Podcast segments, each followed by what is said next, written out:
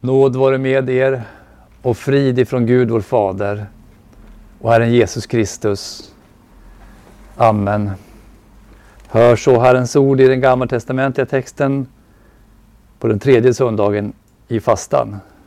Så skriver profeten Jesaja det 59 kapitlet och från den tolfte versen. Våra överträdelser inför dig är många. Våra synder vittnar emot oss. Ja, våra överträdelser har vi för våra ögon. Vi känner våra missgärningar. Vi har gjort uppror och förnekat Herren. Vi har vikit bort från vår Gud. Vi har talat förtryck och upproriskhet. Lugnaktiga ord som vi tänkte ut i våra hjärtan har vi fört fram. Rättvisan trängs tillbaka, rättfärdigheten står långt borta, ja sanningen vacklar på torget. Det som är rätt kan inte komma fram, sanningen har försvunnit och den som vänder sig ifrån det onda blir plundrad. Detta såg Herren och det misshagade honom att ingen rättvisa fanns. Han såg att ingen trädde fram. Han förundrade sig över att ingen grep in. Då hjälpte honom hans egen arm och hans rättfärdighet understödde honom. Han klädde sig i rättfärdighet som i ett pansar och satte frälsningens hjälm på sitt huvud. Han klädde sig i hämndens dräkt som i en livklädnad och svepte in sig i nitälskan som i en mantel. Efter deras gärningar skall han vedergälla dem. Vrede över hans motståndare, vedergällning över hans fiender. Kustländerna skall han vedergälla för vad de har gjort. Så ska man frukta Herrens namn i väster och hans härlighet där solen går upp. När fienden bryter fram lik en flod skall Herrens ande driva honom på flykten. Återlösaren skall komma till Sion. Och till den som i Jakob som vänder om från sin överträdelse, säger Herren. Amen. Herre, helga oss i sanningen. Ditt ord är sanning.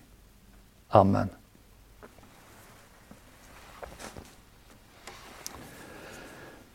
Hur känns det? Är vi upprörda över världens ondska? Över kriget i Ukraina? Eller i Jemen? Eller i Burma? Eller i Afghanistan? Över covid-pandemin och dess konsekvenser. Över massmedia är vi upprörda, irriterade, arga över massmedia, över politiker och korruption. Är vi besvikna på svenska folket och dess likgiltighet för moral, för Gud, för känslan för rätt och fel?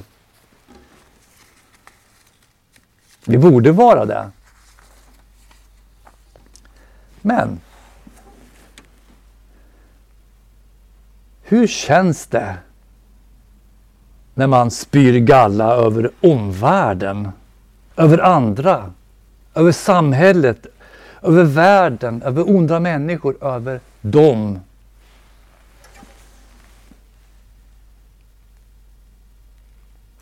För vissa såklart skulle det kännas jobbigt. Men ändå bra. För då är ju inte jag en av dem. En av alla dessa som för, den här, som för den här världen mot sin undergång. Jag är inte en av dem. Som för den här världen mot sin undergång. Jag är annorlunda. Det kanske till slut blir han som sa Minns ni Lukas 18.11?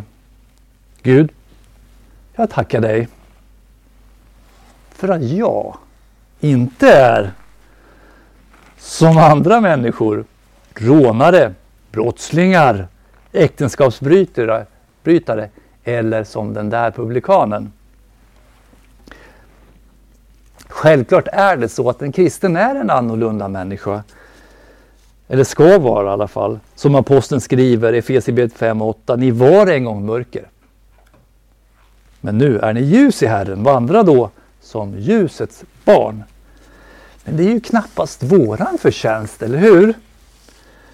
Utan helt och hållet av Guds nåd, som det står skrivet Gud, Efesierbrevet 2.13, eh, förlåt, Filipperbrevet 2.13. Gud är den som verkar i er både vilja och gärning för att hans goda vilja ska ske. Gud.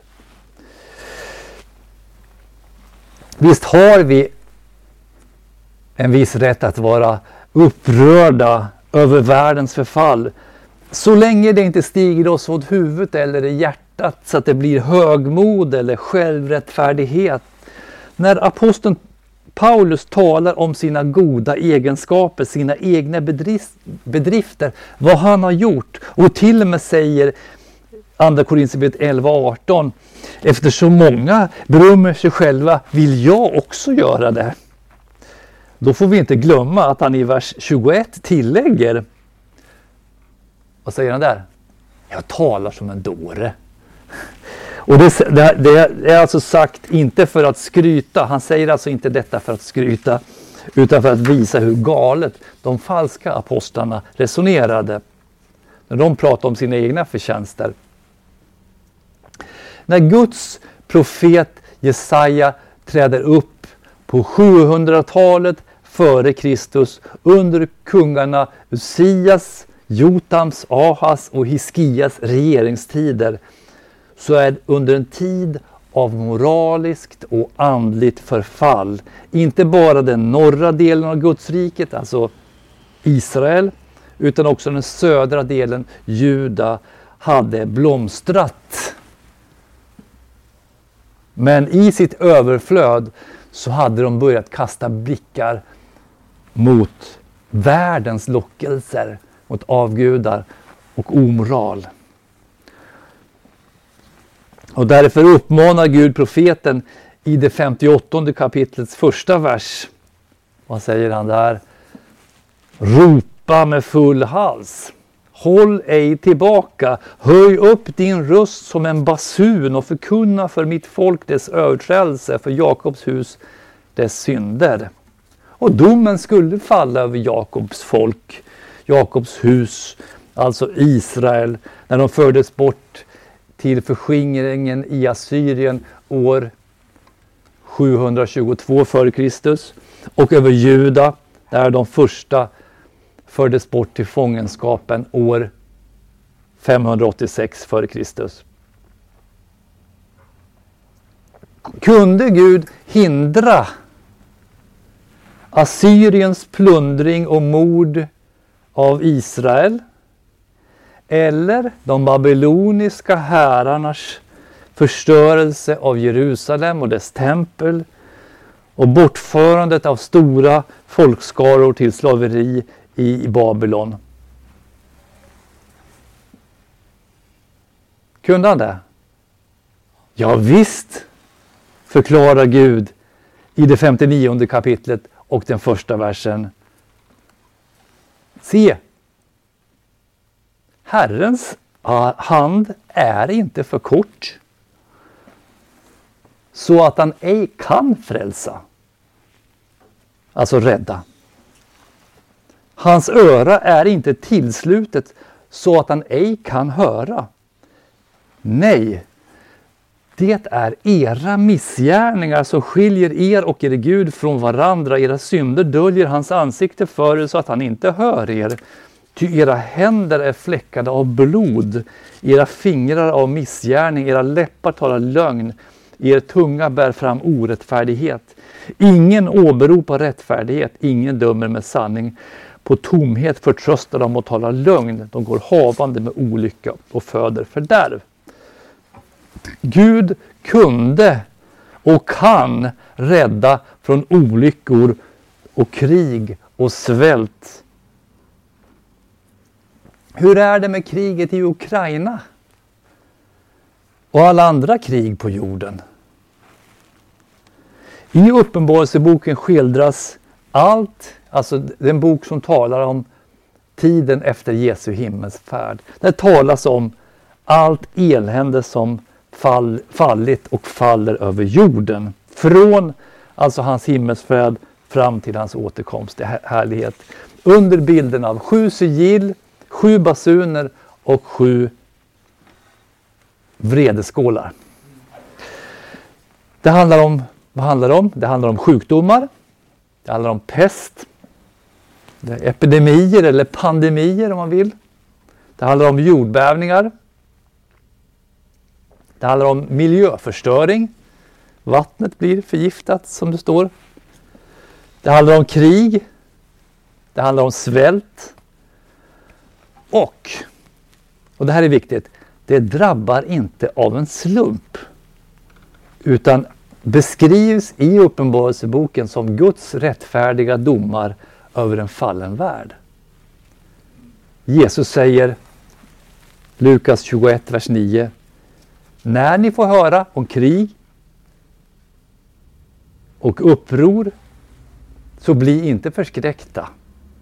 Ty sånt måste först hända, men det betyder inte att slutet kommer omedelbart. Alltså, Gud har allt i sin hand.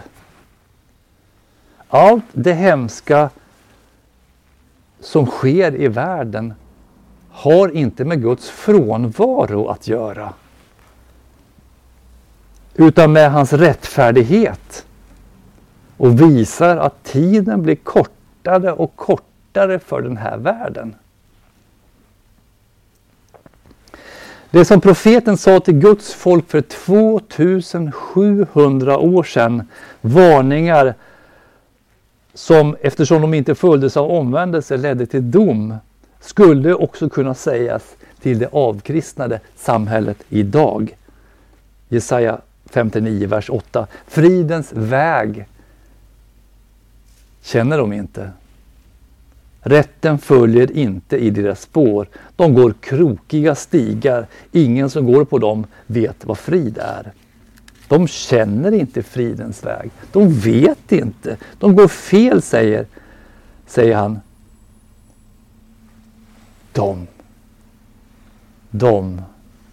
Men i versen efter ändrar han plötsligt pronomen. Vers 10.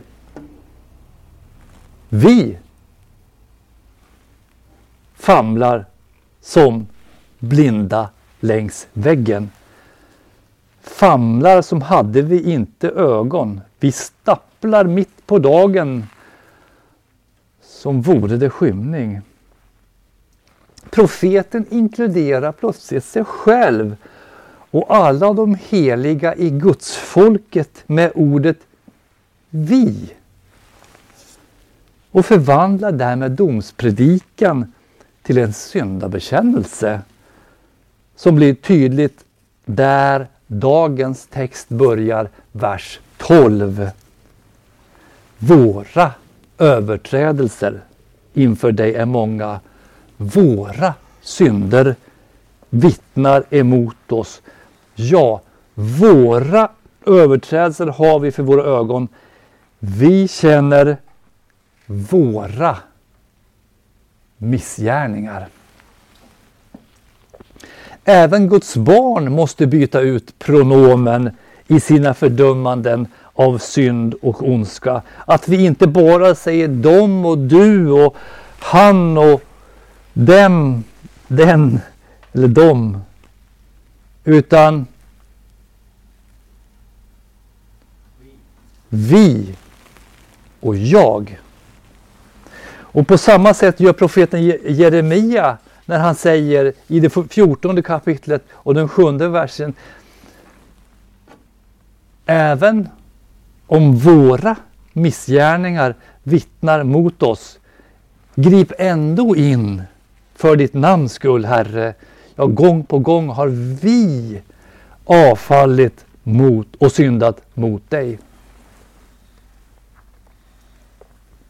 Även om Guds barn kanske inte gör samma anmärkningsvärda och i ögonfallande missgärningar som många i världen, som otrons människor, så delar vi mänsklighetens fall ifrån Gud i Adam med alla andra människor. Även fast vi genom tron är rättfärdiga och rena genom Kristi blod så delar vi samma syndanatur, köttet som det kallas i Bibeln, med alla andra människor.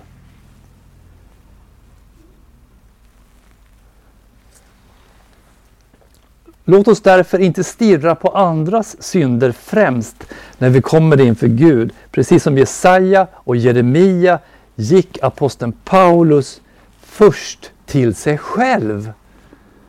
När han i första Timoteusbrevets första kapitel och den femtonde versen säger Det är ett ord att lita på och värt att på allt sätt tas emot. Att Kristus Jesus har kommit till världen för att frälsa syndare och bland dem är jag den största. Att nu Ukraina drabbas av krig och lidande beror inte på att ukrainare är större syndare än andra. Större syndare än svenskar. Utan är en påminnelse om Gud. Om hela världens frånfälle och allas vårt behov av omvändelse. Vi minns alla Lukas 13 Just då, står det, kom några och berättade för Jesus om de galileer vilkas blod Pilatus hade blandat med deras offer. Jesus frågade dem, menar ni att dessa galileer var större syndare än alla andra galileer eftersom de fick utstå detta? Nej, säger jag er, men om inte ni omvänder er kommer ni alla att gå under som dem. Eller de 18 som dödades när tornet i Siloam föll ner över dem. Menar ni att de var större syndare än alla andra invånare i Jerusalem? Nej, säger jag er, men om inte ni omvänder er kommer ni alla att gå under på samma sätt. Precis så är det. Profeten Jesaja skildrar sin tid men vi kan också se vår tid i profetens skildring. Rättvisan trängs tillbaka. Rättfärdigheten står långt borta. Ja, sanningen vacklar på torget. Det som är rätt kan inte komma fram. Sanningen har försvunnit och det som vänder sig från det onda blir plundrad. Detta såg Herren och det misshagade honom att ingen rättvisa fanns. Kan vi göra någonting åt synden och orättfärdigheten och ondskan? Kan vi, kan vi göra någon skillnad i världen? Ja, säkert lite. Men det blir mest fernissa, polityr och fasad när roten sitter i det mänskliga hjärtat. Gud ser det och det misshagar honom. Han gillar det inte. Han som skapat världen, han vill ha renhet och godhet och rättfärdighet. Och vi kan lika lite göra någonting åt syndens rot i världen som vi kan göra något åt den i vårt eget hjärta. Även om vi kan ta små steg för att förbättra saker och ting både i oss själva och i världen. Om vi verkligen vill finna en lösning på detta problem så bör, behöver vi, vi behöver göra som eh, Ja, ni känner till det här, de här, det här tolvstegsprogrammet, där AA. Anonym alkoholister, man ska alltid börja med sig själv. Man pekar inte finger åt andra utan tillsammans med Jesaja, Jeremia och Paulus så går man till sig själv och bekänner vers 13 till 15. Vi har gjort uppror och förnekat Herren. Vi har vikit av från vår Gud. Vi har talat förtryck och upproriskhet, Lugnaktiga ord som tänkt ut i våra hjärtan har vi fört fram. Rättvisan trängs tillbaka, rättfärdigheten står långt borta. Ja, sanningen vacklar på torget. Det som är rätt kan inte komma fram, sanningen har försvunnit och den som vänder sig från det onda blir plundrad.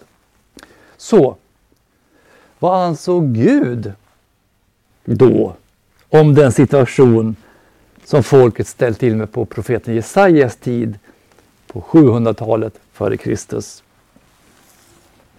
Vers 15. Detta såg Herren och det misshagade honom att ingen rättvisa fanns. Han såg att ingen trädde fram. Han förundrade sig över att ingen grep in. Ingen av oss människor kunde förändra oss i egen kraft eller ta bort orsaken till den ondska vi dragit in i världen allt sedan Adams tid. Så vad är lösningen? Vad är lösningen?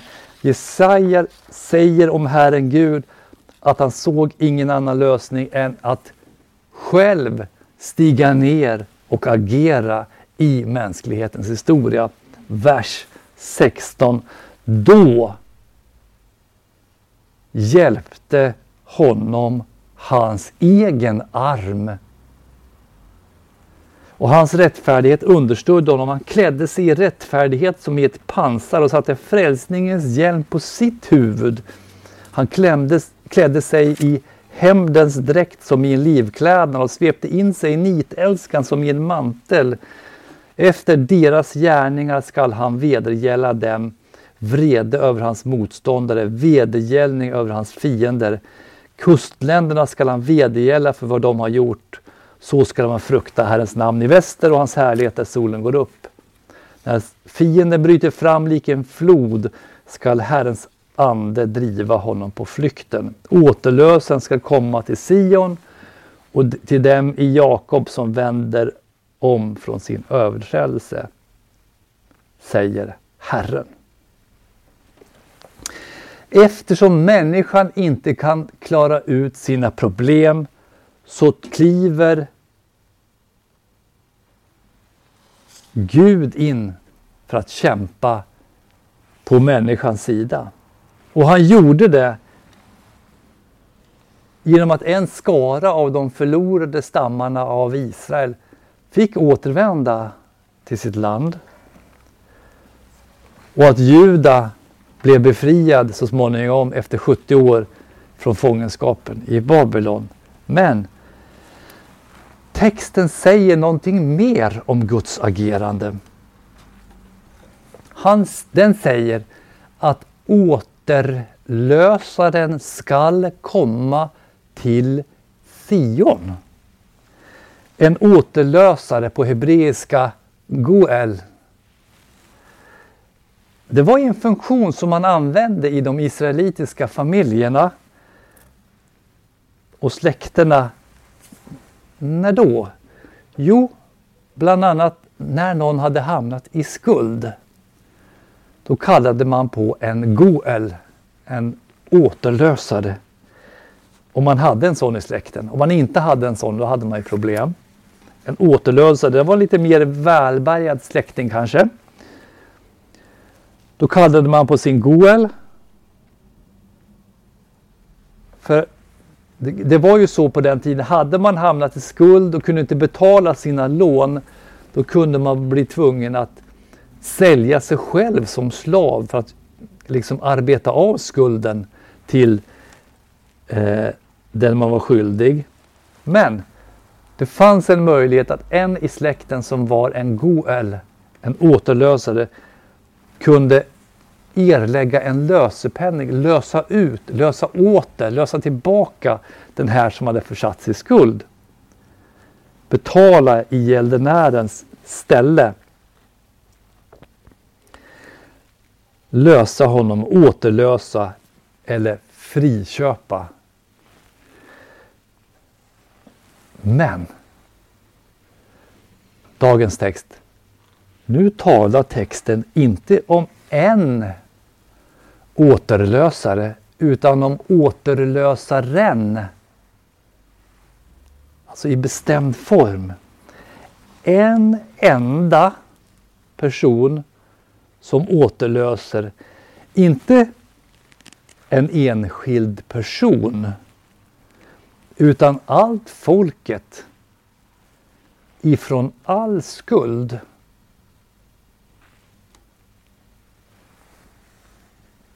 Vem är det? Det hade profeten talat om tidigare i, i sin bok i det första kapitlet, den 27 versen. Vad säger han där? Genom rätt skall Sion friköpas genom rättfärdighet, det som vänder tillbaka. Och hur gick det till i praktiken? Ja, precis på det sätt som Gud själv beskriver i dagens text. Att han tar sig an människor. Han som är Gud såg till att vi skulle bli frälsta. För han såg att vi inte kunde frälsa oss själva. Därför frälste han oss. Han köpte oss fria. Och lösepenningen han gav, det var vad vi saknade. Vi saknade rättfärdighet. Kristus, Jesus, Guds son, var alltid rättfärdig. Våra synder förde med sig skuld och skulden för med sig straff.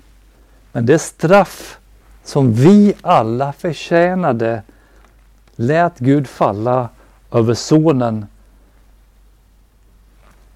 Jesus Kristus för att vi i och genom honom skulle bli skuldfria, rättfärdiga, förlåtna, återlösta, friköpta.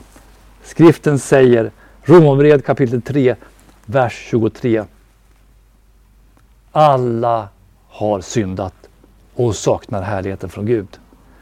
Och de står som rättfärdiga utan att ha förtjänat det. Därför att Kristus Jesus har friköpt dem.